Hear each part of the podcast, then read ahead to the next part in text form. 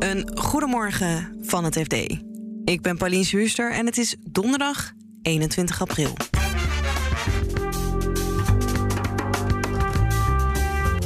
Er gaat een miljard naar fotonica. Een techniek die nu nog in de kinderschoenen staat. Als je dit een belangrijke technologie vindt, dan zal er nu in geïnvesteerd moeten worden. Want bij dit soort bedrijven is gewoon het probleem dat er heel erg veel geld nodig is om ze door, ja, dat heet dan in de technologiewereld de Valley of Death te krijgen. En de Volksbank is al jaren in een juridisch conflict met hun voormalig CFO. Het gaat om serieus veel geld. Veuger heeft bij de vorige rechtszaak 2,8 miljoen op tafel gelegd. Dit is de dagkoers van het FD. De Nederlandse fotonica-industrie krijgt 470 miljoen euro uit het Nationaal Groeifonds. Nederland moet hierdoor een koploper gaan worden. Of dat gaat lukken, hoor je zo van onze redacteur technologie Sandra Olstorn. Maar eerst legt ze even uit wat een fotonische chip nou is. Een normale chip werkt op elektriciteit, geleidt elektronen. En fotonische chips geleiden licht. Ja.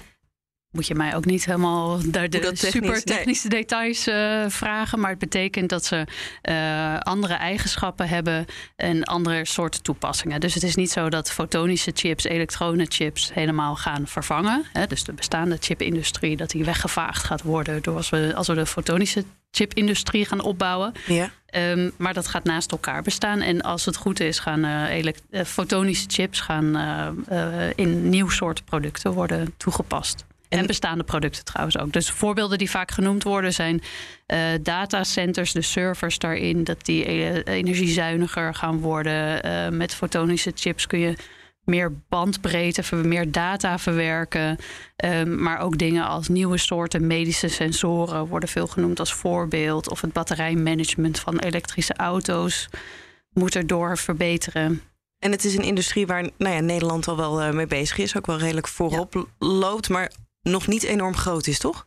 Nee, het is een technologie die al heel lang in ontwikkeling is. Dus Nederland heeft daar een hele goede basis in, omdat bij het uh, bekende NatLab van, van Philips vroeger, uh, waar heel veel experimenteel onderzoek werd gedaan, werd al heel veel in fotonica um, geïnvesteerd.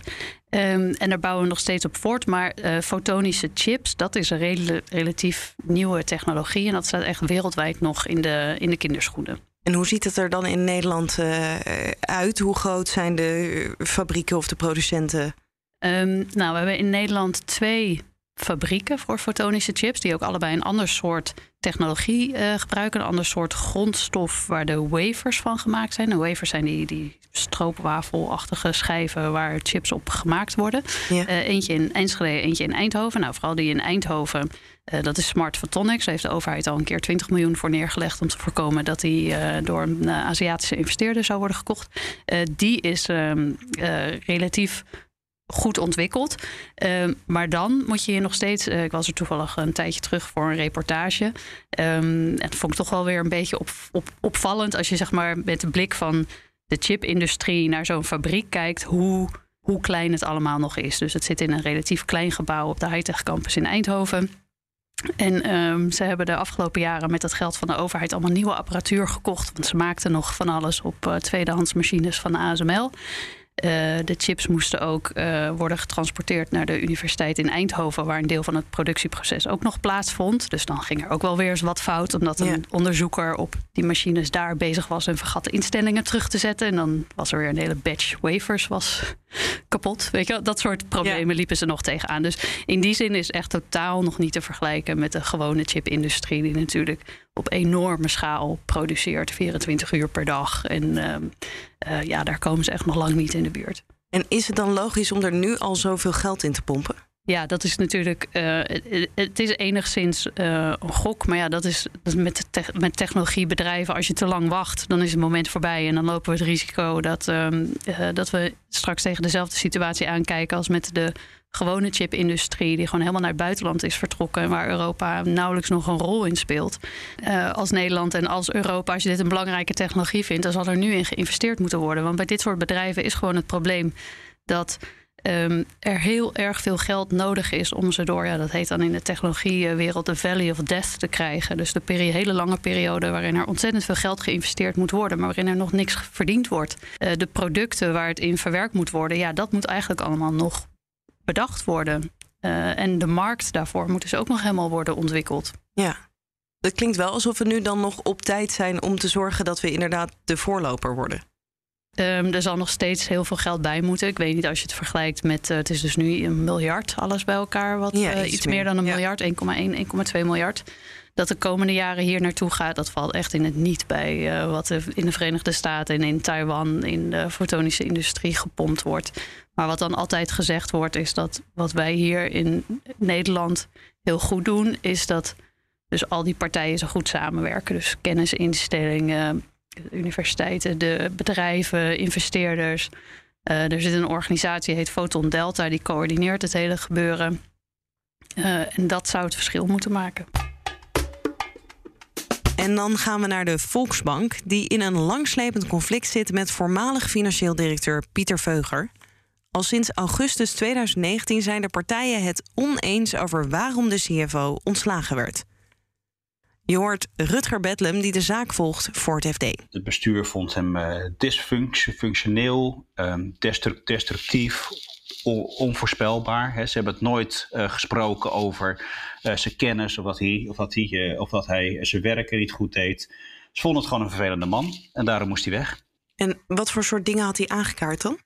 onder andere het achterhouden van informatie um, en um, uh, een cultuur waarin uh, pesterijen, intimidatie, uh, al dat soort zaken um, eigenlijk een beetje gemeengoed aan het worden waren. En dat gebeurde dus allemaal op vrij hoog niveau. Hè? Dus we hebben het niet over de, over de koffiedame, maar gewoon de bestuurskamers en de managementlagen. Ja, en als we het de CFO zouden vragen, dan ziet hij zichzelf een beetje als een soort klokkenluider die eruit is gewerkt omdat hij vervelende zaken aan de kaak stelde. Ja, correct. Wat wil hij nu van de Volksbank? Ja, Um, het is inmiddels de vierde rechtszaak. Hè. Die was uh, afgelopen dinsdag. Um, in de eerste rechtszaak ging het over uh, de pesterijen, de intimidatie, uh, de onveilige werksfeer um, en zijn ontslag. gaandeweg het proces, hè, er is een onafhankelijk onderzoek ingesteld waaruit, waaruit het bleek van dat de cultuur bij de banken niet goed was. er zijn een heleboel mensen vertrokken de commissaris die zijn allemaal vervangen. Uh, er zijn heel veel bestuurders weg. Uh, er zijn heel veel managers weg. En uh, inmiddels is het conflict dermate plat dat het erom gaat: is Veugel op de juiste manier ontslagen of niet? En um, om hoeveel geld gaat het dan? Ja, dat ligt eraan aan wie het vraagt. Ehm, Veuger heeft bij de vorige rechtszaak 2,8 miljoen op tafel gelegd Plus de advocaatkosten, die waren toen nog een drie ton. Inmiddels zijn ze vijf ton. Uh, dus het gaat om serieus veel geld. Um, ik zat er toen de zitting even geschorst werd uh, buiten de zaal. Uh, waar de advocaat van de Volks, Volksbank een schikkingsvoorstel deed aan het team van Veuger van een jaar, een jaar salaris. Dus dan hebben we het over een paar ton. dus de partijen liggen nogal ver uit elkaar op het moment. Veuger heeft wel meermaals gelijk gekregen over nou ja, in onderzoeken over de situatie die hij beschreef bij de bank. Ja, wat ik net al zei, hè, er zijn een hoop mensen ook uh, opgestapt. Ja, dat doe je niet als, uh, als het allemaal um, uh, fantastisch helemaal loopt. En qua zeg maar de cultuur heeft meneer Veuger gelijk. Um, of je dan ook echt gelijk krijgt en heel veel geld gaat, om, gaat ontvangen, dat is een, dat is een tweede. En in hoeverre is deze zaak, of hij wel of niet juist is ontslagen en hoe zijn arbeidsrelatie er precies uitzag, nog voorspellend of veelzeggend voor de sector als geheel? Ja, dat is gigantisch. Um, kijk, uh, als je de zaken wat, uh, wat breder bekijkt. Het gaat erover, bestuurders van beursgenoteerde bedrijven werken vaak via een overeenkomst van opdracht. Nou, het is een, een soort van een ZZP-achtige contract, waarbij je heel makkelijk ontslagen kan worden, verantwoordelijk gesteld kan worden voor allerlei, allerlei zaken. En waarin je eigenlijk een soort van een onder, ondernemer bent.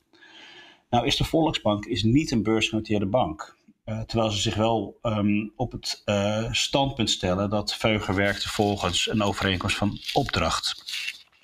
Hij zegt, ik had gewoon een arbeidscontract. Ik kreeg gewoon salaris, ik kreeg eh, vakantiedagen. De werkgeverspremies die werden netjes afgedragen. Als het ruikt naar zeg maar, een arbeidscontract, dan zal het het ook wel zijn. Ongeacht wat je erboven zet. Nou, als dat breder uh, uitgevoerd wordt voor dit soort grote instellingen, dan zou dat ook betekenen dat heel veel andere bestuurders um, of hun contract uh, opengebroken zien worden, of, uh, of dat er andere, andere structuren opge, opgezet worden. Want die overeenkomst van opdracht die staat dan behoorlijk ehm, op wankele bodem.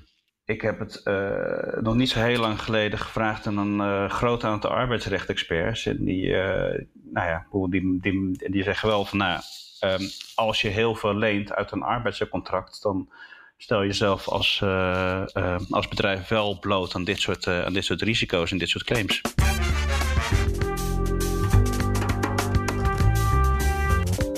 Dit was de dagkoers van het FD.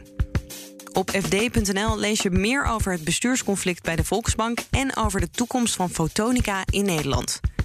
En je volgt daar natuurlijk ook het financieel-economisch nieuws. Dagkoers volg je in je favoriete podcast-app. Dus zoek ons daar even in op en klik dan ook gelijk op abonneren. Dan staan we morgenochtend automatisch weer voor je klaar. Voor nu een hele fijne dag en tot morgen.